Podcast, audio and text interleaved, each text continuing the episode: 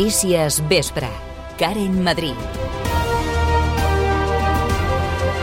Pas endavant per millorar l'atenció als problemes de salut mental al Taulí. El centre sabadellenc ha creat un nou servei de psiquiatria per adults amb aquesta fita. Júlia Ramon, bona tarda. Bona tarda, Karen. La directora del servei, Virginia Soria, assegura que la creació d'aquest equip multidisciplinari també aportarà altres beneficis. També es podran eh, crec que millorar tots els aspectes de, de docència, de recerca, i això sempre redunda en la millora de la qualitat assistencial, no? i sempre beneficia no? el nostre, eh, el nostre diguem-ne, eh, no?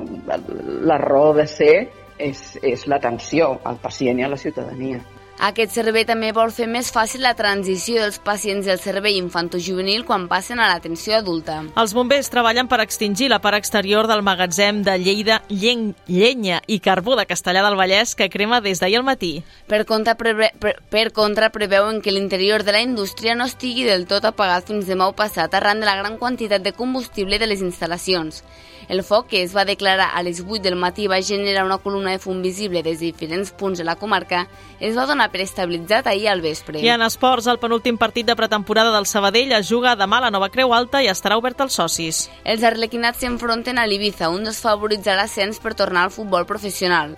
Tot plegat després de l'eliminació dels de Miqui Lladó a la Copa Catalunya de Barcelona. Aquestes i altres notícies es repassem en els pròxims minuts amb el Toni González a les vies de so. Notícies Vespre. Tota la informació a Ràdio Sabadell. Els serveis. A aquesta hora, situació molt tranquil·la al conjunt de la xarxa viària catalana, també la més propera a Sabadell, on no trobem cap mena d'incidències. També se circula còmodament tant d'entrada com de sortida de Barcelona. El temps.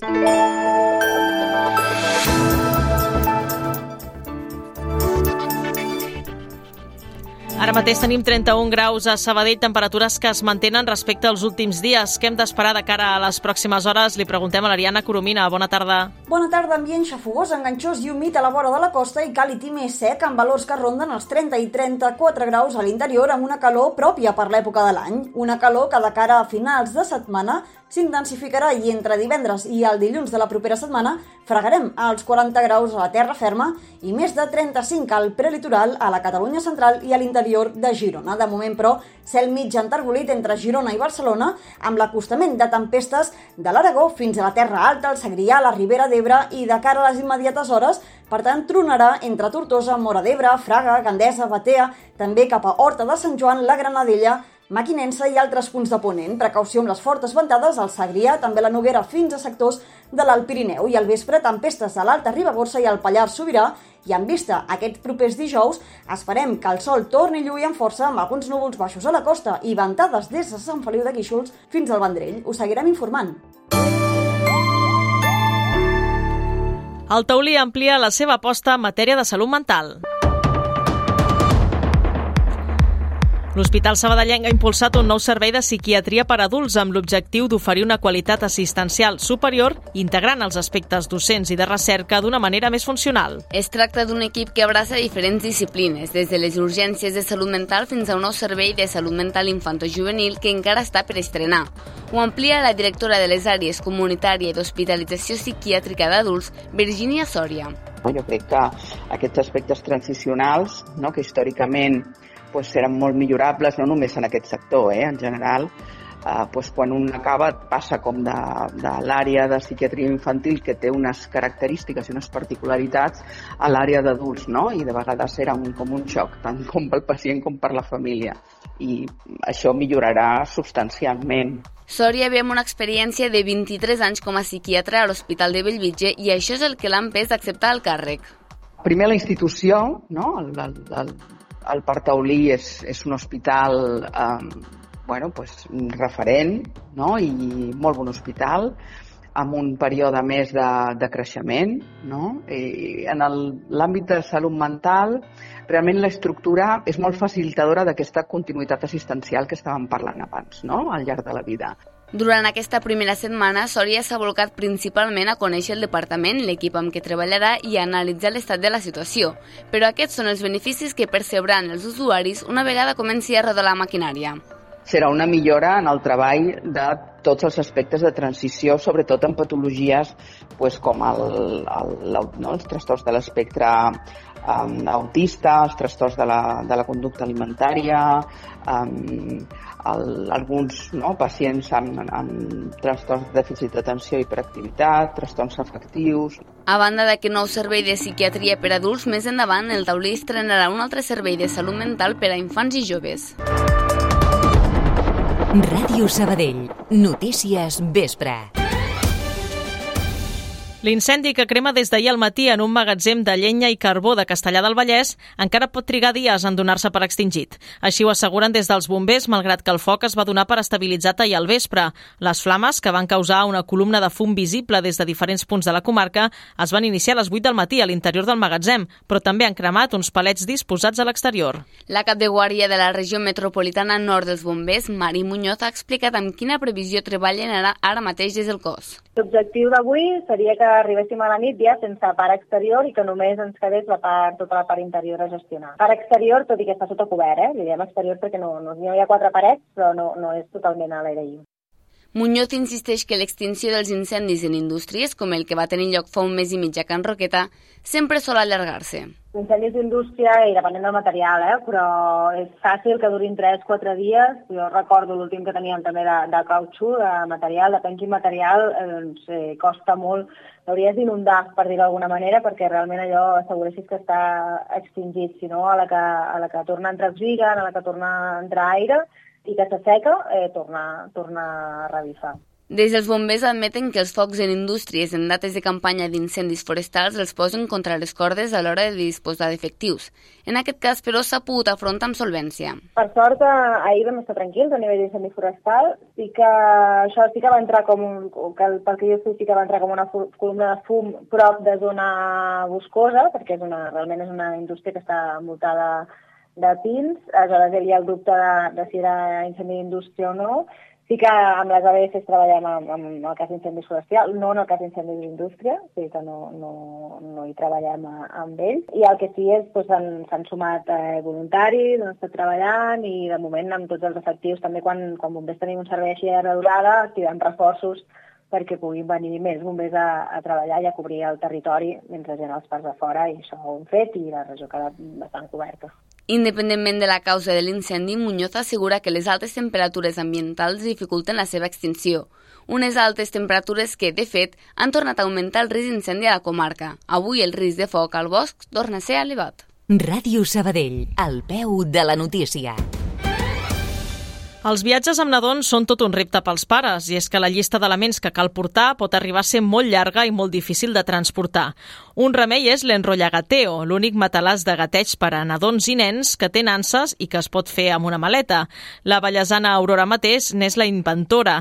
Diverses influenciadores ja han encantat les alabances a les xarxes socials. Aquest setembre el seu giny farà un pas més. Per a aquesta emprenedora de Castellà del Vallès, la font d'inspiració ha estat el seu fill Marcos, a qui li calia un matalàs que se li pogués treure la funda, que fos plegable i lleuger. A més, Mates explica que l'han fet evolutiu. Ara vas al mercat i dius, ara vull un arc sensorial.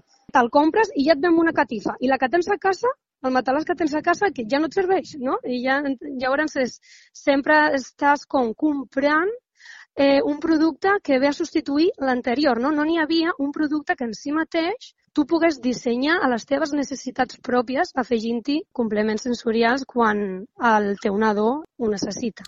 Se'n fan 3.000 comandes anuals entre un equip de 10 persones que distribueixen a tot Espanya i a la resta d'Europa. El creixement exponencial va venir a través d'Instagram. En aquell moment jo no vaig pensar ficar l'enrollagatio perquè això va ser per cobrir una necessitat meva i ja està, no? Però familiars, amics eh, van començar a demanar i en aquell moment eh, bon, doncs, mm, ho van patentar i van començar a, a oferir-ho per Instagram. El gran canvi va venir de la mà de la mà d'influencers. Algunes influenciadores com Laura Escanes, Maria Pombo, Verdelis i Maria Frubies han explicat a les seves xarxes socials les bondats de l'enrotllagateo per als seus nadons, convertint-se avui dia en un referent en el moviment lliure del nadó per arribar fins als 8 anys. La novetat que arribarà al setembre és l'enrollangou, uns panells que contenen jocs simbòlics. De moment tenim fets la cuina, el supermercat i el restaurant. Tots tres entre si es complementen, no? perquè si tens al, al restaurant tens uns platets que després pots utilitzar a cuina, els aliments de la cuina els pots utilitzar pel restaurant o pel supermercat eh, estem donant no, com aquesta nova línia de productes per quan ja ha passat tota l'etapa del desenvolupament del bebè en quant al gateig i a aprendre a caminar i tot això, doncs després poder oferir una altra línia que continuï acompanyant el desenvolupament dels nanos. Des de l'empresa Mimar Barcelona aposten per la sostenibilitat, el compromís amb el medi ambient i la millora continuada dels productes.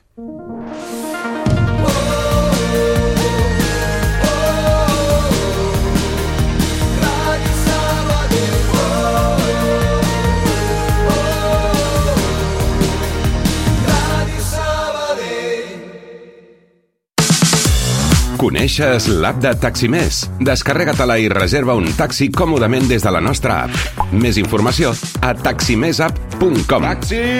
Ràdio Taxi Sabadell. El teu taxi de referència a Sabadell. Ràdio Sabadell. Notícies vespre. Fora de Sabadell i la comarca. Un dia abans que es constitueixin les Corts Espanyoles, Carles Puigdemont avisa que calen fets comprovables abans de comprometre cap vot, sigui per la mesa o per una eventual investidura. L'eurodiputat de Junts també ha assegurat que no canviaran de parer per més pressions i corredisses de darrera hora que hi hagi. Els set diputats de Junts són decisius a 24 hores de la Constitució del Congrés dels Diputats, insistim, aquest dijous. Els independentistes es reuniran a les 8 del matí i no revelaran el seu vot fins a última hora. Encara en matèria política, el Suprem conclou que el CNI no va espiar Quim Torra en Pegasus. El tribunal diu que l'Audiència Espanyola ha aportat dades objectives i no simples indicis que demostren que el CNI no va espiar Quim Torra ni tampoc l'exvicepresident del Parlament, Josep Costa. És així com el Suprem ha desestimat el recurs presentat pels dos exdirigents i també ha apuntat que la sala contenciosa administrativa no té la potestat per investigar qui hi ha darrere de l'espionatge en Pegasus. I el govern ha reduït de 10 a 5 el nombre d'immobles per ser gran tenidor. Aquesta és una de les novetats que el Departament de Territori ha inclòs en la memòria de la llei de l'habitatge que aquest mateix dimecres enviarà al Ministeri de Transports. La consellera de Territori, Esther Capella, ha assegurat que amb la rebaixa es posarà més habitatge en el mercat de lloguer assequible. Després d'estudiar la quarantena d'al·legacions rebudes, el Departament de Territori també ha deixat fora de la definició de gran tenidor els promotors de lloguer social. Ara el govern espanyol ha de donar el vistiplau per tal que la llei de l'habitatge es pugui començar a aplicar a Catalunya i, segons Capella, la normativa podria entrar en vigor aquest agost. Esports.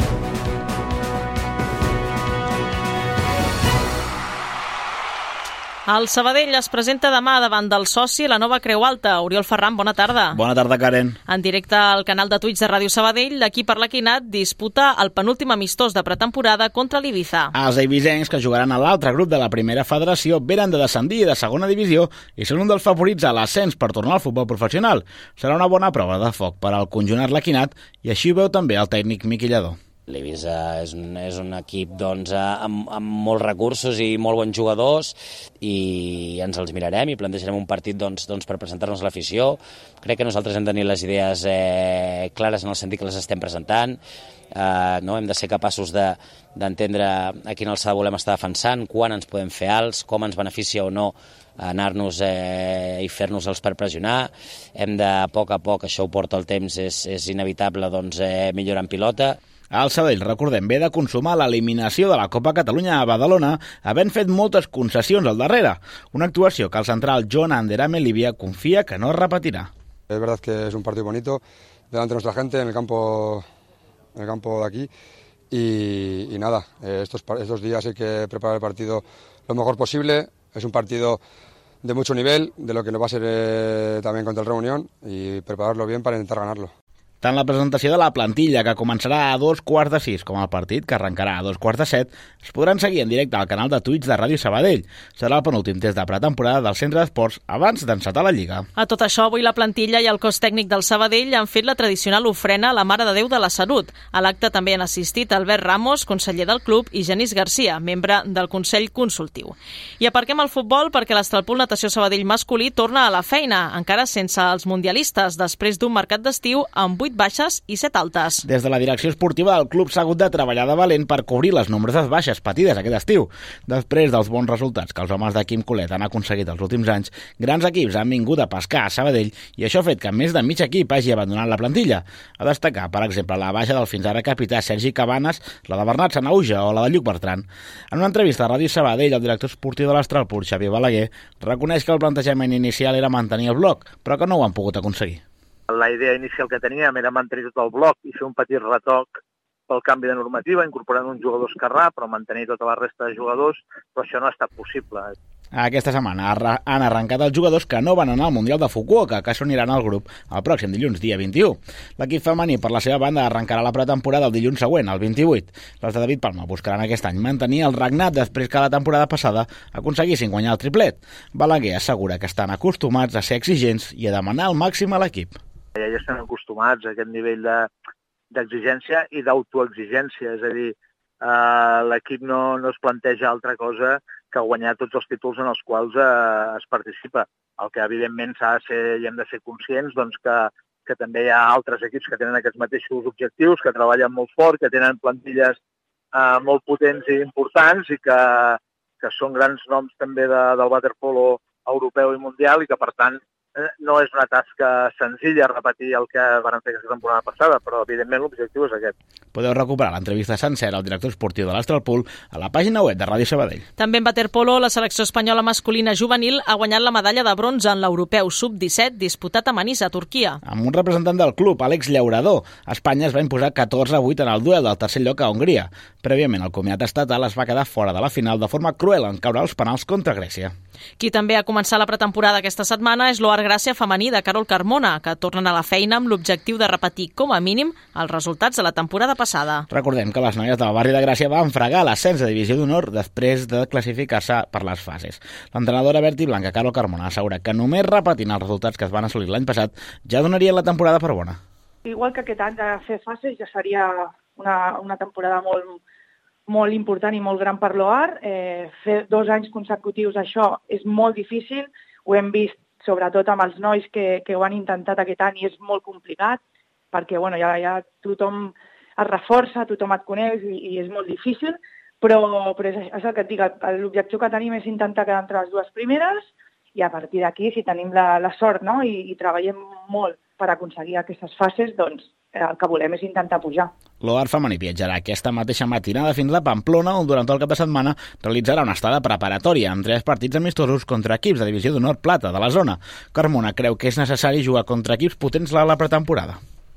Al final, jugar contra equips del teu nivell inclús més alt, doncs et dona eines per poder solventar coses que, o, o errors que es puguin donar, perquè clar, al final a la pretemporada cometrem cometrem molts errors i, i es tracta de millorar-ho i, i d'agafar ritme, que, que és el que, del que es tracta.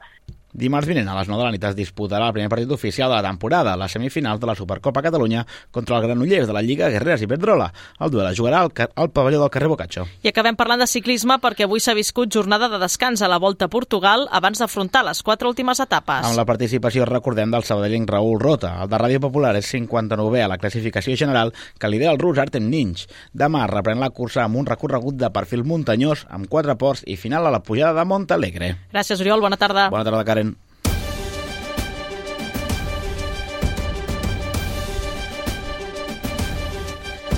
11 minuts per dos quarts de vuit tanquem el Notícies Vespre d'aquest dimecres 16 d'agost. Recordant-vos que tot el que us hem explicat aquests minuts ho podeu trobar ampliat al portal web d'aquesta casa, radiosabadell.fm. Tornem amb més notícies a la 94.6 demà a partir de les 10 amb els butlletins horaris i a partir de les 2 amb el Notícies migdia. Que acabeu de passar un bon dia. Adéu-siau. Allà on siguis, escolta'ns online. En directe.radiosabadell.fm